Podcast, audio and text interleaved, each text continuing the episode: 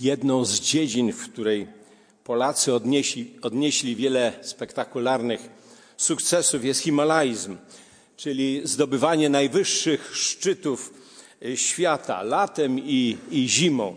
Takie nazwiska jak Wanda Rutkiewicz, Krzysztof Wielicki, Jerzy Kukuczka czy Leszek Słaby, e, Cichy, przepraszam, zapisały się złotymi zgłoskami w historii światowego, światowego himalaizmu.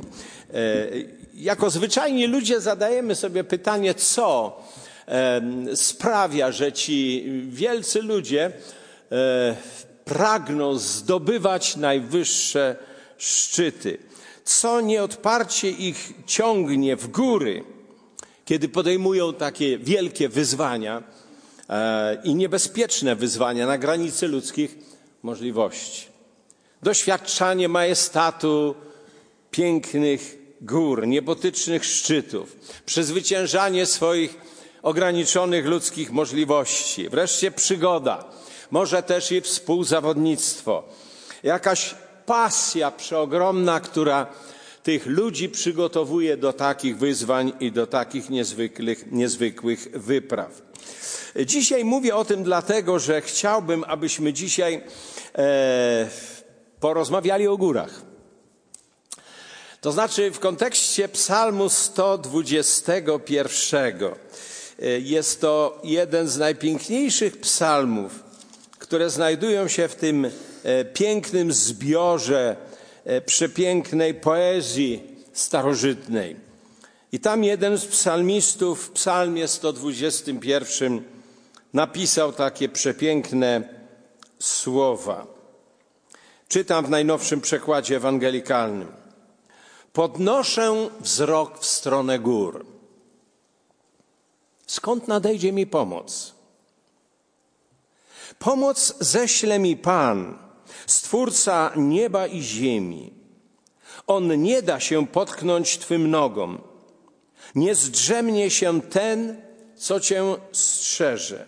Tak, nie zdrzemnie się, ani nie zaśnie ten, który jest stróżem Izraela. Pan Twoim stróżem. Pan Twoim cieniem przy Twym prawym boku. Słońce nie będzie razić cię za dnia, a księżyc nie zaszkodzi nocą. Pan strzec cię będzie od wszelkiego zła, strzec będzie twojej duszy. Pan strzec będzie twoich wyjść i powrotów, teraz i na wieki.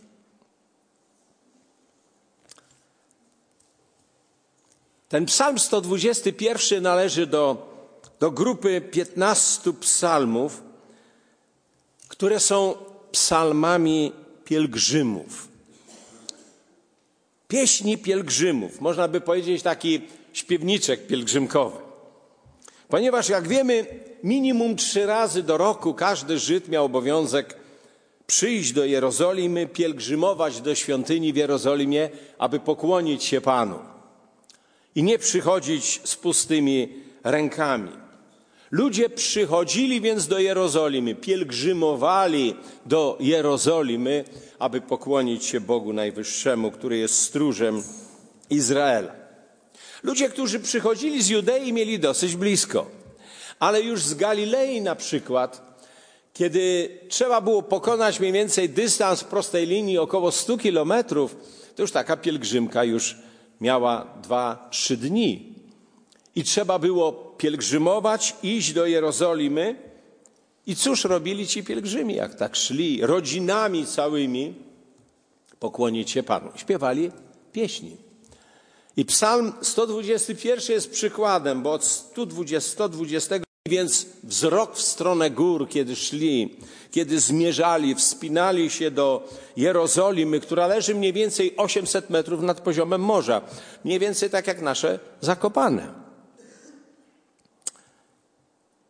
Tam na górze, gdzie wznoszona była, wzniesiona była świątynia jerozolimska, tam przychodzili pielgrzymi, zmęczeni, strudzeni, rozśpiewani, by oddać chwałę Bogu w miejscu, w które Bóg wybrał.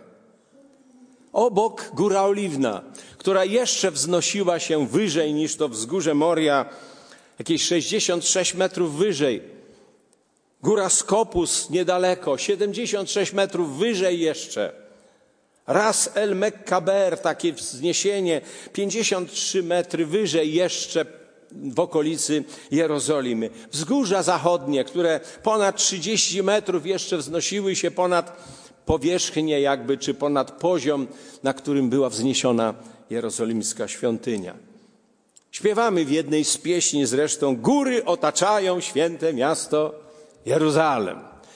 Jerozolima w górach i jeszcze otoczona, otoczona górami.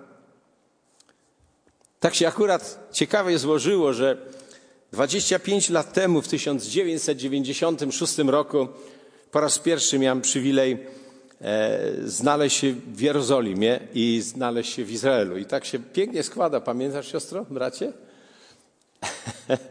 Byliśmy razem, tak się dziwnie składa, miło składa. Kiedy jechaliśmy autobusem z lotniska Ben Gurion e, w Tel Awiwie e, i jechaliśmy do Jerozolimy. Nie wiedziałem wtedy, serce drżało mi z przejęcia. Jechaliśmy wieczorem, jeśli dobrze pamiętam, i wyczekiwałem tego spotkania z tym świętym miastem. I byłem zdziwiony, że ten nasz autobus jedzie ciągle właśnie pod górę. Ciągle pod górę. Ponieważ Jerozolima jest właśnie w górach. Święte miasto, góry otaczają. Drugi raz, kiedy pojawiliśmy się tam w Jerozolimie, również z, z żoną postanowiliśmy świętować trzydziestolecie naszego ślubu. Wybraliśmy się na kolejną wycieczkę już razem tym, wtedy. Byliśmy najpierw w Ejlacie na południu, gdzie gorąco, przepięknie, wspaniale. Jechaliśmy potem przez tą dolinę, przez tą depresję przy Morzu Martwym i znowu jechaliśmy w góry, w góry, w góry, żeby dotrzeć do, do Jerozolimy. Kiedy wysiedliśmy z autobusu, raptem poczuliśmy chłód. No bo to w górach, trzeba było założyć swetry. Ponieważ różnica poziomów była około 1200 metrów, Ejlat a Jerozolima. W księdze Ezechiela w 45, 8 rozdziale 35 werset czytamy, że nazwa miasta tego odtąd będzie brzmieć Pan tam mieszka. Pan tam mieszka. Dlatego pielgrzymowali Izraelici do tego właśnie miejsca na spotkanie z Bogiem Abrahama, Izaaka, Jakuba. Oczy moje wznoszę ku górom. Skąd nadejdzie mi pomoc? Oczywiście, kiedy śpiewano tę piękną pieśń pielgrzymkową, to nie tylko myślano o Jerozolimie, choć pewnie tak, kiedy zmierzano właśnie tam na spotkanie z Bogiem.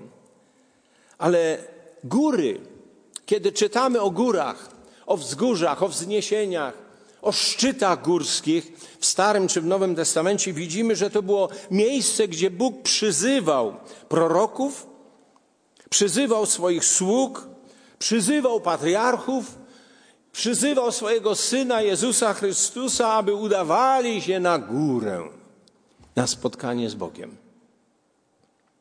Ciekawe, że był ten taki zwyczaj, jakby i Bóg taki właśnie szczególny sposób przemawiał do ludzi na górach, na szczytach gór. Trzeba było się wspiąć na szczyt, żeby spotkać się ze swoim Bogiem.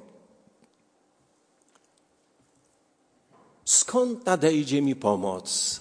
Śpiewali pielgrzymi zmierzający do Jerozolimy. Myślę, że to jest to pytanie, które stawiali sobie ludzie w każdej epoce.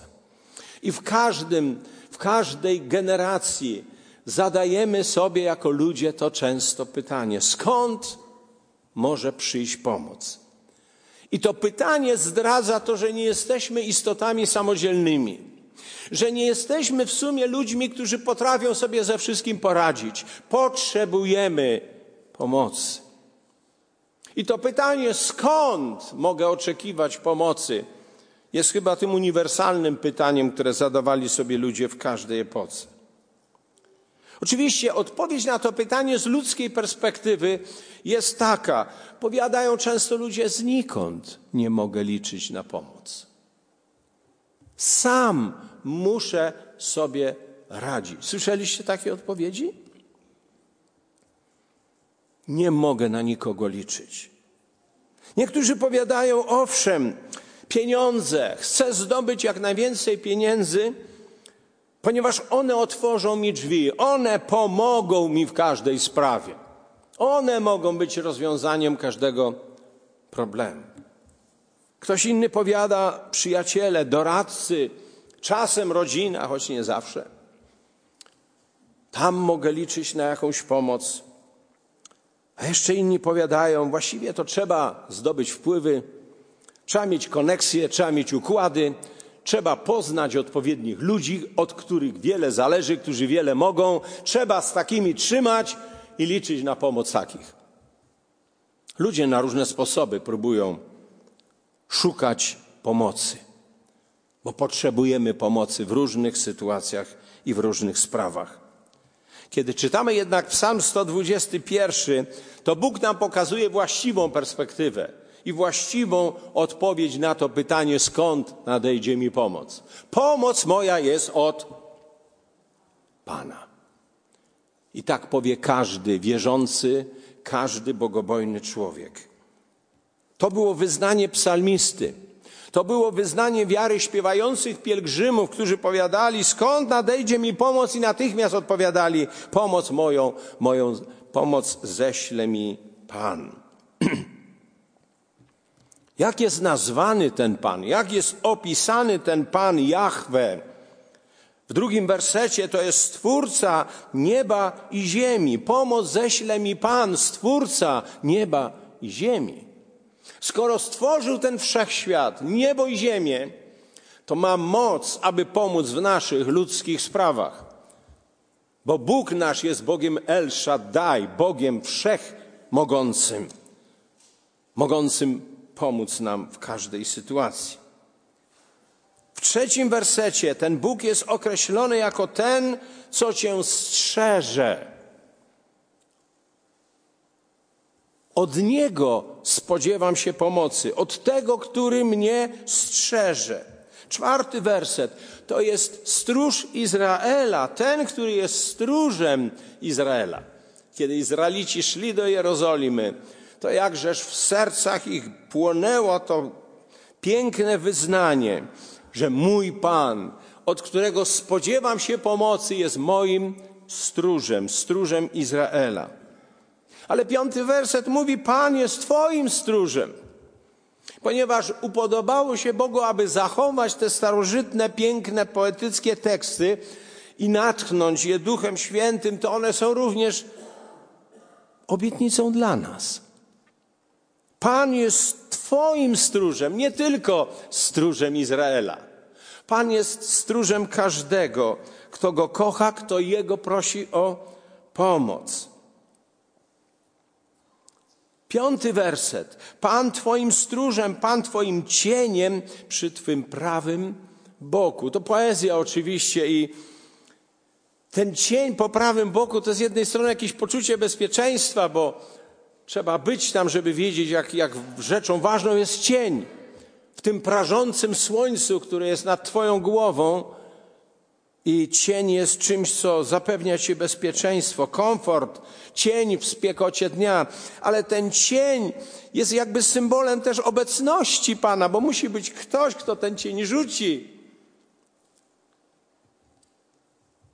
I psalmista napisał: On jest stróżem Izraela, on jest Twoim cieniem po Twojej prawej stronie. To znaczy, że on idzie obok Ciebie i rzuca ten cień, abyś mógł w tej spiekocie dnia, czy mogła w tej spiekocie dnia czuć się bezpieczna. Skąd nadejdzie mi pomoc? Pomoc ześle mi Pan. Jak Pan to czyni praktycznie? Psalmista w tym krótkim tekście dał kilka przykładów tego, jak praktycznie, w czym praktycznie wyraża się pomoc naszego Pana. Werset trzeci powiada, on nie da się potknąć Twym nogom. Potykanie się dosłownie i w przenośni, w sensie duchowo-moralnym, to doświadczenie naszego życia. Ileż razy się potknęliśmy? Ileż razy się zachwialiśmy? Ileż razy zwątpiliśmy? Było tak?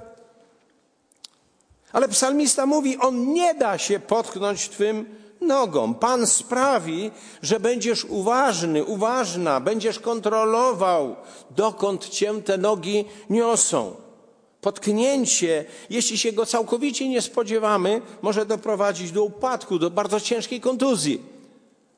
I dlatego powiadamy, patrz pod nogi czasem. Kiedy idziemy szczególnie po niepewnym gruncie, wybieramy się gdzieś na wycieczkę w góry, prawda?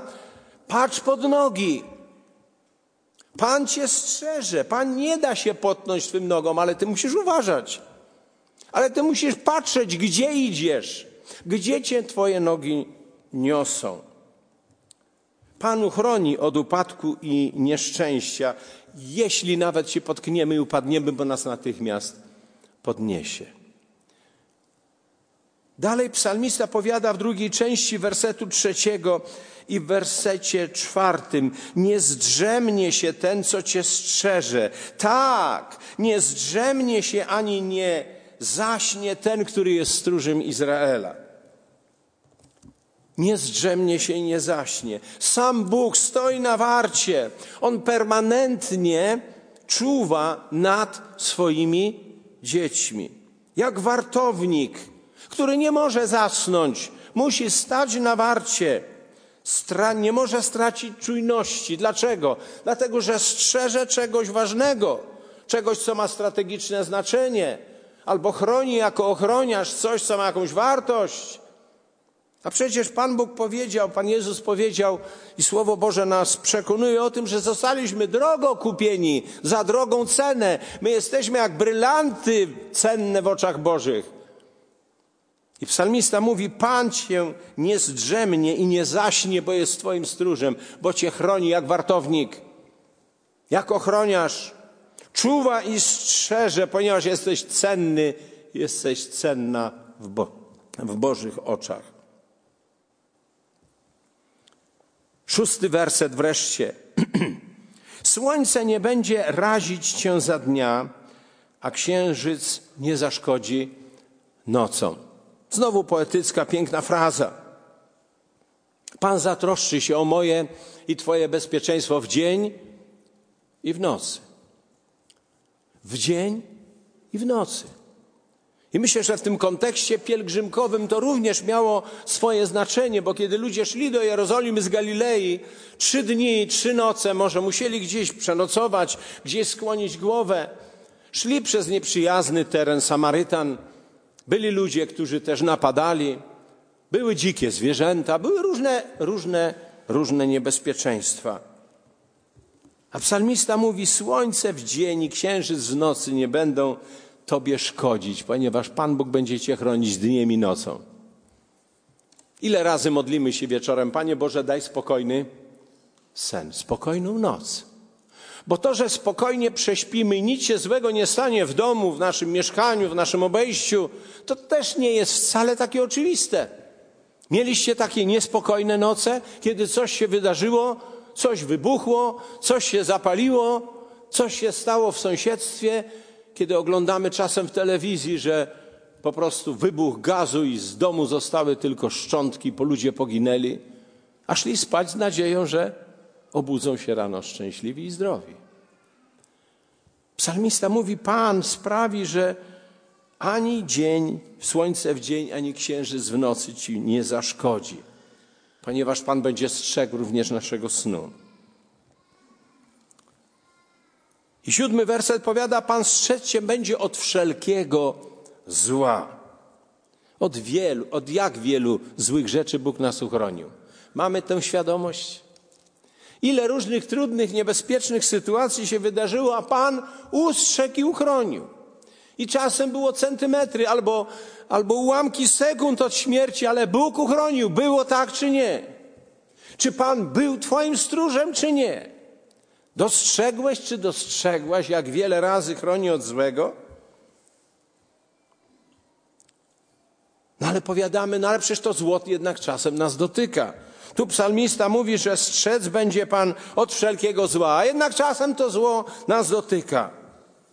Ale jeśli nas dotyka, to przecież nie zostawia nas samych. Ale przecież przeprowadza nas przez te trudne, złe chwile. A skoro czytamy w Rzymian 8:28, że nawet wszystko jest w stanie obrócić ku naszemu dobru, to znaczy, że nawet jeśli czasem to zło nas dotknie, to w rzeczywistości strzeże nas od wszelkiego, od wszelkiego zła. On nie pozwoli, aby zło zwyciężyło, aby zło zapanowało. I duszy, Twojej duszy. Zobaczcie, że na niczym tak nie zależy Bogu, jak na mojej i Twojej duszy. Za często modlimy się o swoje ciała, o swoje, właśnie o zdrowie, o rzeczy materialne, naturalne. Często modlimy się, by Bóg chronił od tych potencjalnych zagrożeń naszego ciała, naszego, naszej istoty, a za mało modlimy się o to, by Pan strzegł naszych dusz, naszych emocji, naszego duchowego stanu i duchowej kondycji naszego duchowego i emocjonalnego zdrowia. Modlimy się, Panie, uzdrów od covid od choroby, od tego, od tamtego. Myślimy o tych naszych ciałach tak wiele, tak często i modlimy się tak często. A tutaj psalmista mówi, Pan strzec będzie Twojej duszy, bo Bogu najbardziej na Twojej duszy zależy. Zależy i na ciele. I troszczy się i uzdrawia, ale zależy Bogu na Twojej duszy. Wczoraj rozważaliśmy list Pana Jezusa skierowany do zboru w Sardis. Masz imię, że żyjesz, a jesteś umarły, jesteś martwy. Co to znaczy? To również znaczy, że ci zborownicy w Sardes czy w Sardis, oni nie troszczyli się dostatecznie o zdrowie swojej duszy, swojego ducha. I zaczęli umierać duchowo. I Pan Jezus ze smutkiem powiedział, że w waszym zborze jest tylko kilka osób, które nie splamiły swoich duchowych szat i będą chodzić w bieli, bo są godni tego. Jakież ważne jest nasze duchowe, emocjonalne zdrowie. I psalmista mówi: Pan, który cię przychodzi z pomocą, bo ta pomoc jest od Niego, On również zatroszczy się o stan Twojego ducha, stan Twojej duszy. I on czyni to przez Słowo Boże, które do nas kieruje, kiedy je czytamy, słyszymy. On uwrażliwia nasze sumienie, czasem syła na nas bezsenne noc, czasem chorobę i kładzie nas do łóżka. Po co? Żebyśmy mogli się zatrzymać i przemyśleć naszą relację z Bogiem, pomyśleć o naszym duchowym zdrowiu. Możemy bowiem stracić swoją duszę, zyskując nawet cały świat lub zadawalając się materialnym dostatkiem, tak jak to czynił ten bogacz z przypowieści, któremu się dużo urodziło, zbuduje nowe stodoły i powiem sobie duszo, jedz i pij. A dusza potrzebuje jedzenia i picia tego naszego materialnego. Nasza dusza, nasz duch potrzebuje czegoś innego. Tak więc jak najczęściej wołajmy do Pana, by On strzegł przede wszystkim naszego ducha, naszej duszy, naszego duchowego, emocjonalnego zdrowia. O to też zabiegajmy. Bo tak działa stróż Izraela, Twój Pan, który jest Twoim stróżem, który strzec będzie również Twojej duszy, nie tylko Twojego ciała. I jeszcze w ósmym wersecie jeszcze jeden wątek psalmista podaje, który tłumaczy, na czym polega ta Boża pomoc, to Boże wsparcie, jak się ta pomoc Pana praktycznie może, może wyrazić. Pan strzec będzie Twoich wyjść i powrotów, wejścia i wyjścia Twego. Może tu chodzić o początek i koniec każdego naszego przedsięwzięcia, zamiaru, planu, ale też chodzi o te nasze wyjścia i powroty. No dzisiaj wyjazdy i powroty, bo często używamy aut, samochodów. Pamiętam, kiedy mieszkaliśmy w Kętrzynie, byłem pastorem zboru w Kętrzynie, często jeździłem do Warszawy, byłem członkiem Rady Kościoła, też przez pewien okres czasu, trzy lata byłem jeszcze dodatkowo e, redaktorem naczelnym Słowa Prawdy. Dosyć często trzeba było jechać do Warszawy. Oczywiście jeździłem samochodem i wracałem do domu. Moja kochana żona zawsze zostawiała palącą się świecę e, w oknie. I kiedy tak podjeżdżałem pod dom, widziałem tą palącą się świecę. A ona była symbolem tego, jej, tej pewności, której jej zazdrościłem. Ona mówi, jestem spokojna o to, bo, bo świeca się paliła, ale moja żona spała spokojnie. I to było takie piękne. Ona mówi, Pan Bóg jeszcze z tobą nie skończył. Ja mogę spokojnie spać. Ja wiem, że wrócisz szczęśliwie i bezpiecznie. Bo ja wiem, że Pan strzeże Twojego wyjścia i wejścia, Twojego wyjazdu i Twojego powrotu. Bracie, siostro, jak często, kiedy siadasz za kierownicą, modlisz się o błogosławieństwo podróży, która jest przed Tobą? Ja staram się to zawsze robić, to jest mój zwyczaj.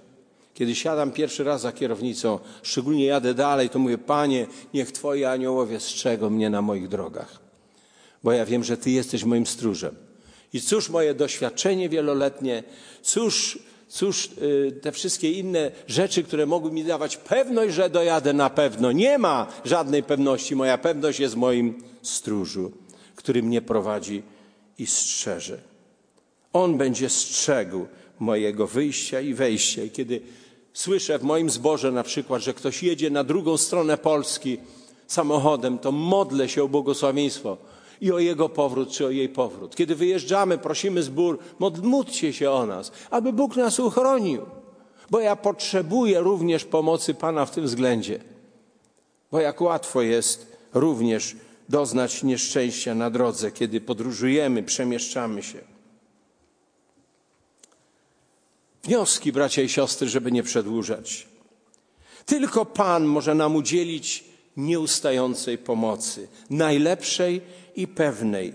Dziś nam ten piękny psalm przypomina, że pomoc ześle mi Pan, mój stróż i mój przewodnik w moim życiu. Ale tak dzieje się w życiu ludzi, którzy nie patrzą na życie przyziemnie, ale wznoszą wzrok ku górze. Wznoszą wzrok ku górze, licząc stale na pomoc Pana. Gdzie jest utkwiony nasz wzrok? Czy patrzymy w górę, oczekując od Pana Jego pomocy i wsparcia? Ten uniesiony w górę wzrok symbolem naszej więzi, naszej relacji z Panem, naszej miłości do naszego Pana. A jak często mamy te nosy utkwione gdzieś w ziemi? Kiedy jesteśmy smutni, jesteśmy przygnębieni czasem, rozczarowani i gdzieś zapatrzeni tylko w to, co tu na ziemi. Wznoszą wzrok ku górom. Podnoszę wzrok w stronę gór, pisze psalmista, by oczekiwać pomocy od Pana. Do tego potrzebna jest silna wiara, pełne zaufanie do naszego stróża, a więc potrzebna jest ta bliska, serdeczna i bardzo bliska więź i relacja z Bogiem. Psalm 121 jest obietnicą tylko dla, dla tych, którzy stale pielgrzymują na spotkanie ze swoim Panem. My ciągle jesteśmy pielgrzymami, zresztą apostoł Paweł użył takiego określenia. Jesteśmy na tej ziemi pielgrzymami, ale dokąd my pielgrzymujemy? I z kim pielgrzymujemy? Kto nam w tej pielgrzymce towarzyszy? Idziemy na spotkanie z Panem, tak jak ci pielgrzymi do Jerozolimy, z wdzięcznością, z miłością do Niego i nie z pustymi rękami.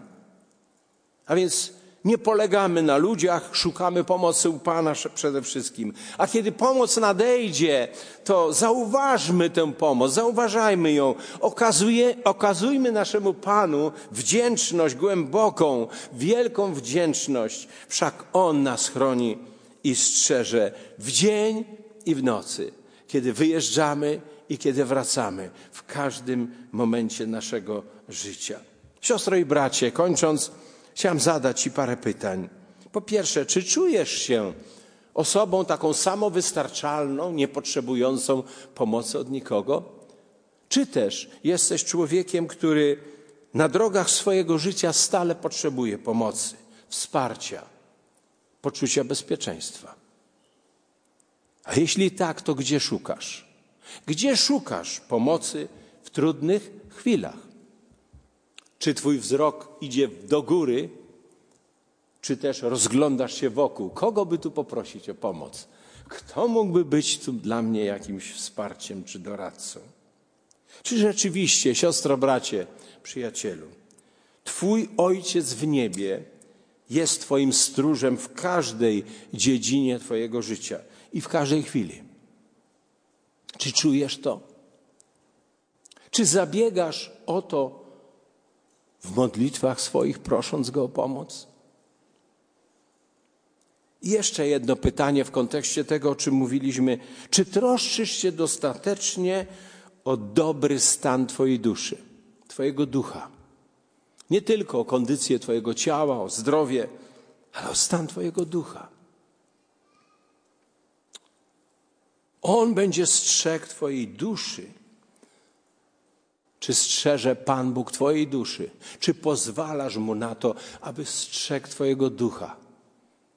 Aby Twój duch był zdrowy? I wreszcie jeszcze jedno pytanie: czy przyjście do kościoła na nabożeństwo, tak jak dzisiaj przyszedłeś czy przyszłaś, czy to jest dla ciebie, tak jak niegdyś dla tych pielgrzymów, uroczysta i radosna chwila? Święto, chwila obcowania z moim Panem, moim stróżem. Ja tu przyszedłem dzisiaj, aby podziękować Panu za ten ostatni tydzień, kiedy był moim prawdziwym stróżem, był mi prawdziwą pomocą. Tak tu przyszliśmy? Czy to była motywacja, czy to jest motywacja naszej obecności dzisiaj tutaj? Aby powiedzieć: Boże, dziękuję Ci. Panie, dziękuję Ci, że podnosząc wzrok mój w stronę gór, pytając skąd nadejdzie mi pomoc, ta pomoc przyszła od Ciebie. Ty nie zawiodłeś. Nie zawodzisz i nie zawiedziesz nigdy. Panie, dziękuję Ci, że zsyłasz mi pomoc we właściwym czasie. Uwielbiam Cię za to, że jesteś moim stróżem teraz i na wieki. Amen.